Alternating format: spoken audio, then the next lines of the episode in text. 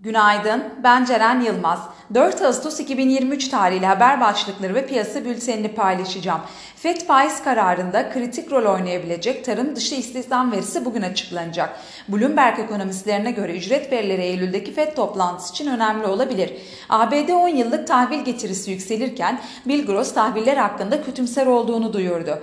Apple hasılatı 3. çeyrek üst üste gerilerken Amazon güçlü e-ticaret satışlarıyla beklentiyi aştı.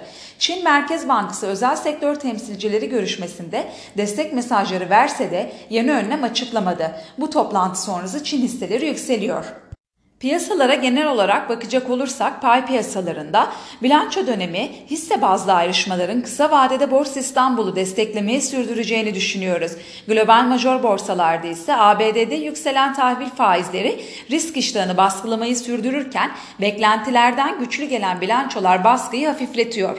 Dün ABD, Avrupa borsaları ve Asya borsalarının geneli satıcılı seyrederken bu sabah ABD vadelileri ile Alman DAX vadelisi pozitif, Asya endeksleri ise alıcılı bir seyir izliyor.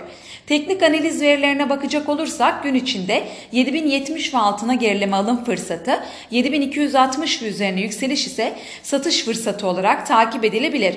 Viyop tarafında ise gün içi long pozisyonlar için 7950, short pozisyonlar için ise 8015 zarar kes seviyesi olarak izlenebilir. Borsa İstanbul'un ve endeks kontratının güne pozitif eğilimle başlamasını bekliyoruz.